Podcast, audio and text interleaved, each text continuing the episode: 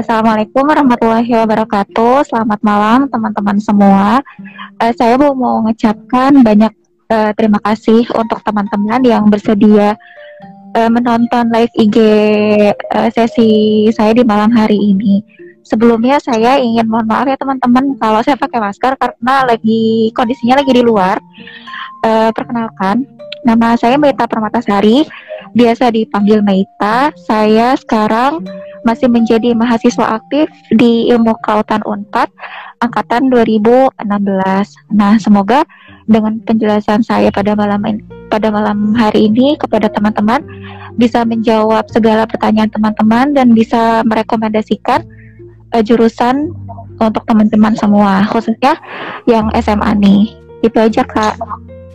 Oke nih kita saya panggil Mita ya, Kak ya. Oke. Okay.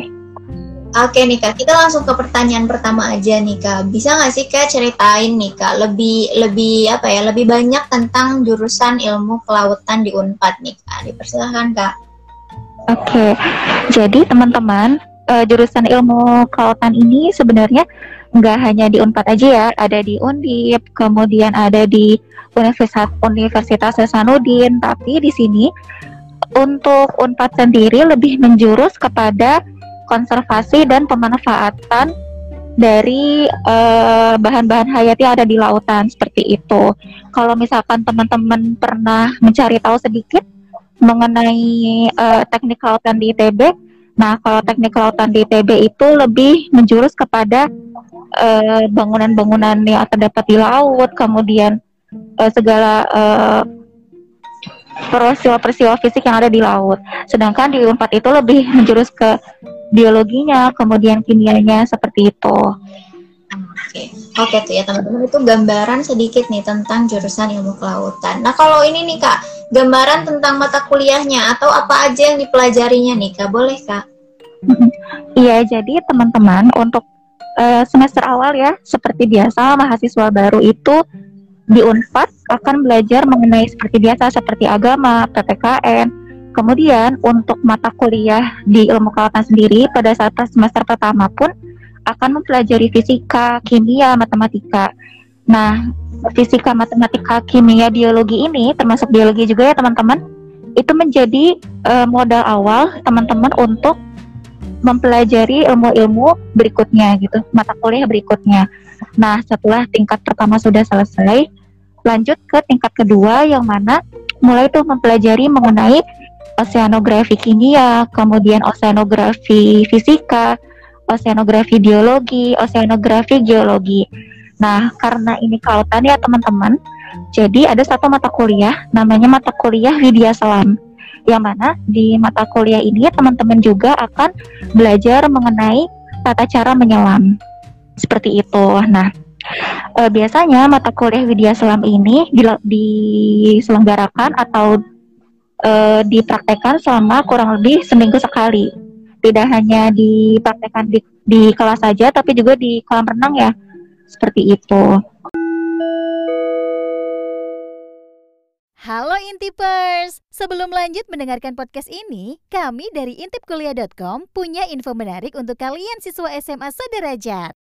Ayo ikuti tryout online persiapan masuk perguruan tinggi secara berkala bareng Intip Kuliah. Selain itu, bagi kalian yang masih bingung pilih jurusan kuliah, bisa ikut psikotes dan konsultasi jurusan secara online bareng psikolog atau konselor di Intip Kuliah. Nah, untuk informasi lebih lanjut, kalian bisa chat WhatsApp kami di 0821 2222 0486 atau kunjungi website intipkuliah.com. Selamat mendengarkan kembali Intipers! Paling itu oh. kak untuk uh, secara garis besar mata kuliah yang dipelajari. Oke nih kak, untuk uh, apa ya? paling berkesan menurut kakak nih kak atau yang paling apa ya kak uh, susah atau bahkan paling gampang nih kak ada nggak sih kak?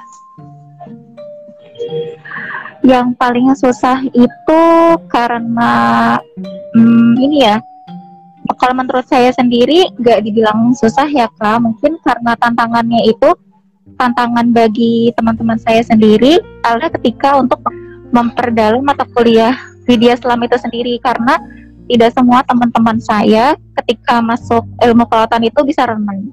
seperti itu. Nah, uh, itu juga merupakan tantangan terbesar karena banyak juga teman-teman saya yang bahkan sampai kelu keluar uh, ilmu kelautan karena uh, takut untuk menghadapi mata kuliah Widya Selam ini seperti itu. Nah, itu merupakan itu merupakan tantangan terbesarnya, tapi kalau menurut saya hal itu tuh sebenarnya bisa diobati. Dan ada juga teman saya yang awalnya uh, kemampuan berenangnya nol, kemampuan berenangnya nol itu sampai pada akhir semester goalsnya itu dia bisa renang pada akhirnya sampai bahkan bisa uh, diving juga seperti itu. Oke, oke nih kak, itu kan uh, untuk mata kuliah Widya Widya Selamia ya kak ya. Kalau untuk praktikum di mata kuliah lain nih kak, uh, bentukannya hmm. seperti apa kak? Boleh diceritain kak? Hmm. Tadi uh, saya udah menjelaskan mengenai ada mata kuliah oceanografi fisika, kemudian oceanografi kimia, kemudian oceanografi geologi. Nah, dari masing-masing mata kuliah tersebut ada praktikumnya teman-teman uh, misalkan saya kasih contoh ya, oceanografi fisika itu biasanya kita mengadakan praktikum mengenai uh, pengolahan data suhu, data arus, kemudian uh, kedalaman dan lain-lain menggunakan software. Seperti itu. Ada juga pemodelan-pemodelan ekosistem laut seperti itu. Nah, di mana nanti kita akan mengolah berbagai macam data-data dari suatu website seperti itu. Nah, nanti teman-teman olah data tersebut itu untuk oceanografi fisika. Nah, untuk oceanografi kimia seperti biasa kita akan mengetahui uh, berbagai macam senyawa-senyawa atau unsur-unsur yang terdapat di lautan. Misalnya, di lautan itu kaya akan klorofil A. Seperti itu. Nah, untuk praktikumnya pun kita akan mencari tahu seberapa besar kadar klorofil A di lautan. Kemudian tidak hanya klorofil A tetapi banyak senyawa-senyawa lain seperti fosfat, nitrat, amonia dan lain-lain seperti itu. Nah untuk uh, oceanografi biologi biasanya kita mempelajari mengenai berbagai macam biota-biota laut gitu. Nah bagi teman-teman yang senang banget belajar biologi nih, kita juga mempelajari mengenai anatomi hewan-hewan laut, kemudian interaksi antar ekosistemnya kan ekosistem laut ada tiga ya, ekosistem mangrove, terumbu karang dan lamun. Nah, kita juga akan mempelajari interaksi antara ekosistem tersebut. Seperti itu Kak kurang lebihnya. Oke tuh tadi sudah dijelaskan banyak ya sama kakaknya nih. Nah untuk ini nih kak, kalau di jurusan lain kan biasanya ada kayak konsentrasi atau peminatannya lagi nih kak di semester 3 atau semester 5. Apakah di ilmu kelautan juga ada nih kak? Boleh diceritain kak? Jadi pada saat saya masuk ilmu kelautan Unpad itu sebenarnya belum ada penjurusan yang lebih spesifik mana kita nanti bakal mau menjurus ke arah mana seperti itu. Tapi yang jelas eh, kembali lagi di statement awal bahwa ilmu kelautan itu sebenarnya goals akhirnya itu uh, alumninya bisa uh, mempelajari uh, konservasi dan pemanfaatan ilmu hayati ya, pemanfaatan bahan-bahan hayati dari lautan. Tapi mulai dari angkatan 2019 itu sudah mulai dijuruskan kembali Kak penjurusan-penjurusannya. Seperti itu. Tadi penjurusannya mungkin baik lagi ada yang ke biologi, kimia dan fisika. Seperti itu itu sedikit ya kayak tentang pembelajarannya nih. Untuk ini nih kak sekarang alasan kakaknya nih, kakak kenapa pilih ilmu kelautan nih kak dan kenapa pilihnya di Unpad nih kak? Boleh diceritain kak sama kita? Hmm, jadi sebenarnya ketika saya SMA itu saya hmm, nggak hmm, masalah mau kuliah di mana, asalkan saya kuliah. Dan kebetulan saya itu ngerasa nge-underestimate diri sendiri bahwa saya itu kurang istilahnya kurang termasuk anak yang pintar. Jadi saya memilih ilmu kelautan karena pada saat itu saya senang biologi, saya juga senang renang. Jadi kayaknya buat aja ilmu kelautan uh, pas nih gitu dan di situ passing grade juga tidak terlalu tinggi kebetulan. Saya ya udah sekiranya kriteria saya masuk, ya udah saya mendapatkan di ilmu kelautan Unpad. Nah, tidak hanya di Unpad, uh, Unpad itu menjadi pilihan pertama karena saya berasal dari Cirebon kak. Jadi memper memperbesar peluang saya untuk masuk Unpad itu sendiri itu yang pertama. Ke, tidak hanya memilih Unpad, tapi saya juga memilih Undip. Itu juga sama ilmu kelautan Undip dan pilihan tiga yaitu budidaya perairan un, uh, Undip. Dan alhamdulillahnya saya keterima di Unpad seperti itu. langsung di pilihan pertama ya kak keterimanya. Oke okay, kak. Uh, menyinggung tentang empatnya juga tadi nih kak, Bo, bisa nggak sih kak ceritain atau kasih informasi nih ke adik-adiknya, camaba-camabanya tentang jalur masuk di Unpad nih kak? Uh, ada apa aja dan sendiri bisa dicek di website mana nih kak? Boleh kak? Boleh. Uh, jadi seperti biasa ya teman-teman, sama halnya di universitas-universitas lain bahwa Unpad itu memiliki uh, tiga jalur. Yang pertama jalur SNM, uh, jalur rapot ya teman-teman, akumulasi nilai teman-teman dari uh, kelas 1 sampai kelas 3 semester pertama. Nah, kemudian ketika teman-teman uh, pahit-pahitnya gagal di SNM, ya bisa lanjut ke SBM. Nah, ketika teman-teman gagal di SBM, teman-teman bisa lanjut ke ujian mandirinya. Nah, ujian mandiri Unpad namanya SMUP. Jadi SMUP itu kepanjangan dari Seleksi Mandiri Universitas Pajajaran. Nah, teman-teman juga bisa kepoin uh, mengenai seluk-beluk SMUP itu di mana di smup.unpad.ac.id seperti itu. Nah, uh, eh, SMUP ini juga dibagi terjadi, uh, menjadi dua. Yang pertama itu teman-teman bisa menggunakan nilai UTBK dan nilai USBMPTN teman-teman sebelumnya. Seperti itu. Itu yang pertama. Kemudian pahit-pahitnya lagi nih ketika teman-teman uh, gagal di nilai UTBK dan SBMPTN-nya belum masuk, belum memasuki kriteria penilaian SMUP, teman-teman bisa mengikuti ujian ujian yang diselenggarakan oleh Unpad itu sendiri teman-teman. Nah, adapun uh, apa yang harus dipelajari atau apa yang harus diujikan yang pertama itu ya ada wawancara, kemudian ada TOEFL, kemudian ada portofolio juga. Kenapa teman-teman ingin masuk ke Unpad? kemudian alasan teman-teman memilih jurusan yang ingin teman-teman masuki dan uh, tes-tes lainnya seperti itu. Nah, untuk uh, ilmu kelautan sendiri ada tes lagi nih kak selain tes-tes sebelumnya eh tes oh ya tes-tes sebelumnya bahwa yang selanjutnya itu ada wawancara lanjutan yang dilakukan oleh pihak fakultas itu sendiri dan ada tes renangnya juga karena kan kita nanti bakal bekerja banyak di lapangan ya kayak ya. jadi harus bisa renang seperti itu. Oke. Oke tuh teman-teman itu ya proses uh, seleksinya kalau nanti kalian ikut mandiri itu banyak sekali ternyata prosesnya pokoknya jangan nyerah dulu gitu ya.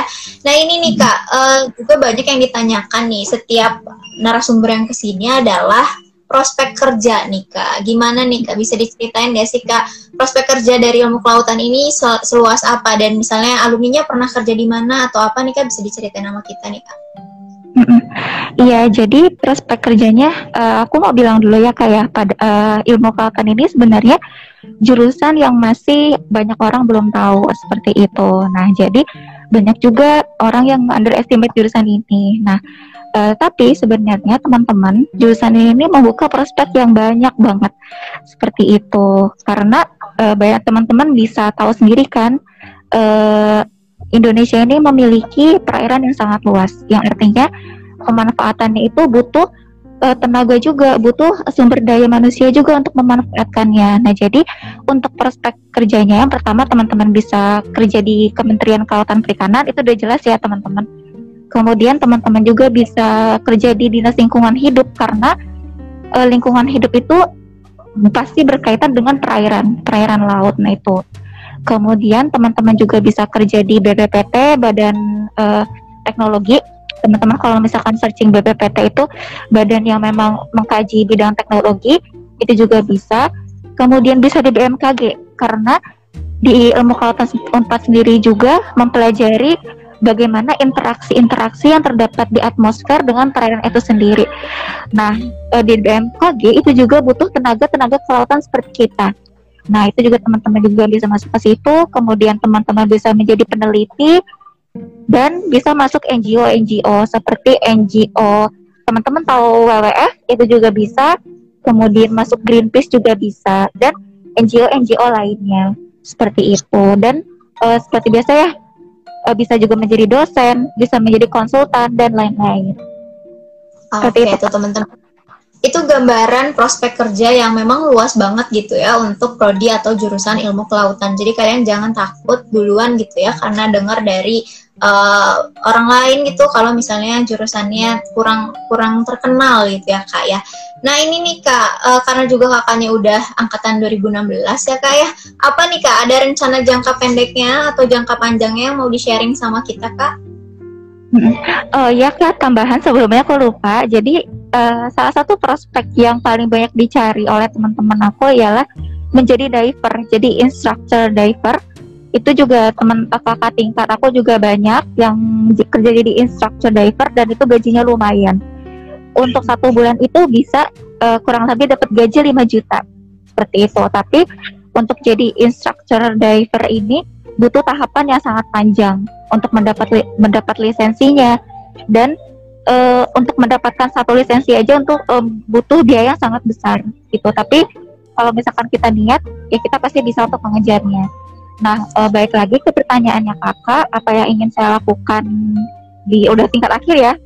Uh, yang pertama saya juga ingin kerja dulu ya kayak udah pasti pengen membahagiakan orang tua dulu ingin bahas jasa orang tua dulu nah kerjanya di mana saya pengen masuk ke NGO seperti Greenpeace, WWF karena idealisme saya ingin uh, konsisten dalam bidang kons konservasi. Jadi alasan saya ingin memasuki NGO karena ingin menjaga idealisme saya seperti itu. Nah, ketika pengalaman saya sudah banyak uh, dalam jangka 4 sampai 5 tahun saya ingin uh, lanjut sekolah lagi. Minta doanya teman-teman ingin lanjut ke sekolah lagi di uh, jurusan yang berkaitan dengan kemaritiman. Karena kalau misalkan teman-teman lihat ya berita yang saat ini, yang kapal selam atau drone milik Cina itu memasuki teritori wilayah Indonesia, nah kita juga perlu uh, mengendalikan itu semua. Jadi makanya itu alasan saya mengapa saya ingin uh, masuk atau uh, masuk ke jurusan maritim ketika lanjut sekolah nanti dan setelah itu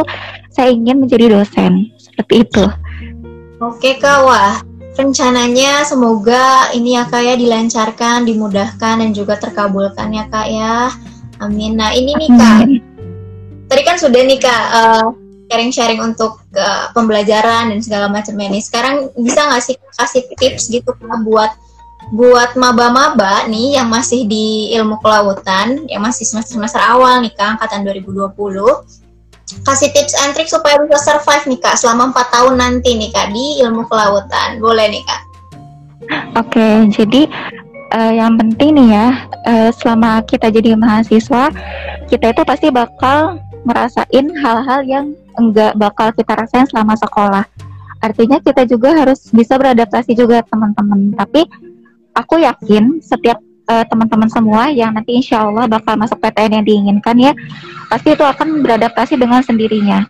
Seperti itu. Awalnya memang berat teman-teman. Awalnya memang berat tapi yakinlah bahwa teman-teman ngejalanin itu semua itu nggak sendiri. Teman-teman juga ngejalanin dengan teman-teman lainnya. Seperti itu. Nah kemudian yang pasti harus gigih harus rajin. Seperti itu. Jangan malas intinya sih seperti itu. Karena hal-hal seperti itu ya kayak pasti kita itu sebagai mahasiswa itu bakal ribet dengan tugas. Kemudian kalau yang hobi organisasi juga ribet sama organisasi. Tapi aku yakin bahwa semuanya itu itu ini moto dalam diri aku ya kayak semua itu bakal akan terlewatkan. Seperti itu. Nah e, semua itu bakal terlewatkan tapi rasanya kurang puas kalau misalkan kita itu ngerjain ngerjainnya tuh asal-asalan. Nah ya tugas-tugas kalian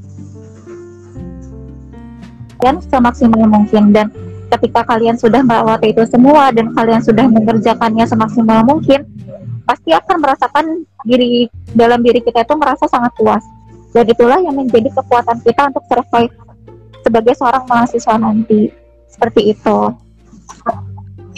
Oke nih kak, itu kan tadi tips untuk mabaknya ya kak. Nah sekarang untuk camabaknya nih, calon-calon mahasiswa hmm. nih yang masih kelas 12, gimana nih caranya supaya Kak ngasih tips aja nih, biar keterima di Unpad dan ngambil ilmu kelautan nih Kak, boleh nih Kak?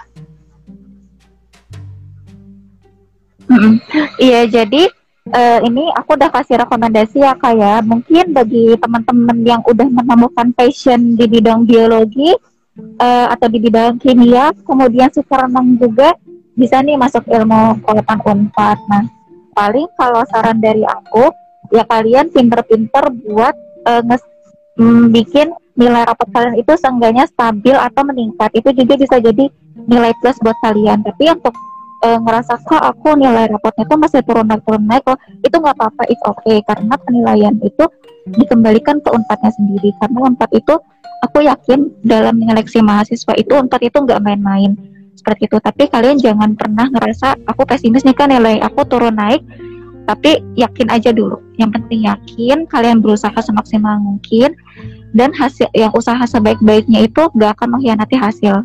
Nah, kemudian tidak hanya uh, berusaha di rapot aja ya untuk mendapatkan slot SNMPTN, teman-teman juga harus jauh-jauh hari mempelajari uh, materi-materi SBMPTN seperti itu. Karena jangan kayak aku ya teman-teman, jujur aku pas aku SMA nggak ada kepikiran sama sekali untuk belajar SBMPTN. Jadi kayak aku tuh um, udahlah biarin aja gitu. Tapi ini jangan diteru teman-teman karena materi SBMPTN itu sulit banget. Jadi memang butuh jangka waktu yang lama untuk mempelajari uh, segala materi-materi di SBMPTN untuk memperbesar peluang teman-teman memasuki UNPAD seperti itu. Dan kurang lebih juga tes-tes yang diselenggarakan oleh UNPAD SMUP tadi itu kurang lebih soalnya juga sama seperti SBMPTN seperti itu. Jadi hmm, jadi teman-teman harus prepare jauh-jauh hari. Dan dicermati juga segala ketentuan-ketentuan yang ada di SMUP seperti itu. Itu udah lengkap banget kok penjelasan di SMUP itu sendiri teman-teman. Oke, oke nih kak, uh, karena juga kebetulan uh, waktu kita juga sudah mepet ya kak, ya mungkin akan disudahi setelah ini. Nah mungkin dari teman-teman yang ada yang sudah bertanya atau yang belum bertanya nih, yang belum ke yang sudah bertanya tapi belum ditanyakan atau yang nanti nonton kita di lewat IG TV kita, nanti boleh langsung hubungi kakaknya lewat DM atau gimana nih kak? Iya boleh banget teman-teman kalau misalkan ada yang uh, pengen nanya lebih dalam bisa uh, DM IG, uh, IG aku aja di Meta Permatasari udah tag juga dari kakak-kakak uh, dari intipkuliah.com seperti itu. Aku sangat terbuka banget. Aku senang banget kalau ada yang nanya soalnya tadi balik lagi kalau misalkan ilmu kelautan ini jurusan yang masih sangat awam. Seperti itu. Semoga jawaban yang tadi aku jawab membantu teman-teman ya. Gitu. Oke, Oke nih kak, uh, mungkin boleh nih kak sekali lagi closing statement nih kak sama teman-teman yang udah gabung sama kita nih kak hari ini, boleh nih kak? Hmm. Jadi uh, closing statement aku satu sih, teman-teman harus sebisa mungkin nemuin passion dulu dalam diri kalian ya, terutama yang masih SMA. Kalian itu senang di bidang apa? Nah, ketika kalian udah menemukan passion kalian itu di bidang apa sehingga memudahkan kalian untuk menemukan atau uh, menemukan jalan kalian itu bakal seterusnya itu bakal ke mana apakah terlepas dari mengambil ilmu kelautan kah atau jurusan lain seperti itu dan mungkin lebih serius uh, ketika kalian sudah mencapai hal itu semua maka seriuslah dalam mengerjakan itu semua. Itu teman-teman. Itu PR dari aku. Semoga banyak membantu. Oke, okay. teman-teman. Itu ya pesannya dari Kak Meta Permata nih. Diingat dan diaplikasikan gitu ya Kak ya. Mungkin hanya segitu nih Kak sharing-sharing hari ini. Kami dari tim Intip Kuliah mengucapkan banyak-banyak terima kasih nih sama kakak yang sudah mau meluangkan waktunya dan sharing-sharing sedikit ya kak ya. Walau sedikit tentang ilmu kelautan di Unpad gitu ya kak ya. Mungkin hanya segitu kak. Saya Admin Jehan pamit. Terima kasih kak. Wassalamualaikum warahmatullahi wabarakatuh. Terima kasih kak. Oke, okay, makasih juga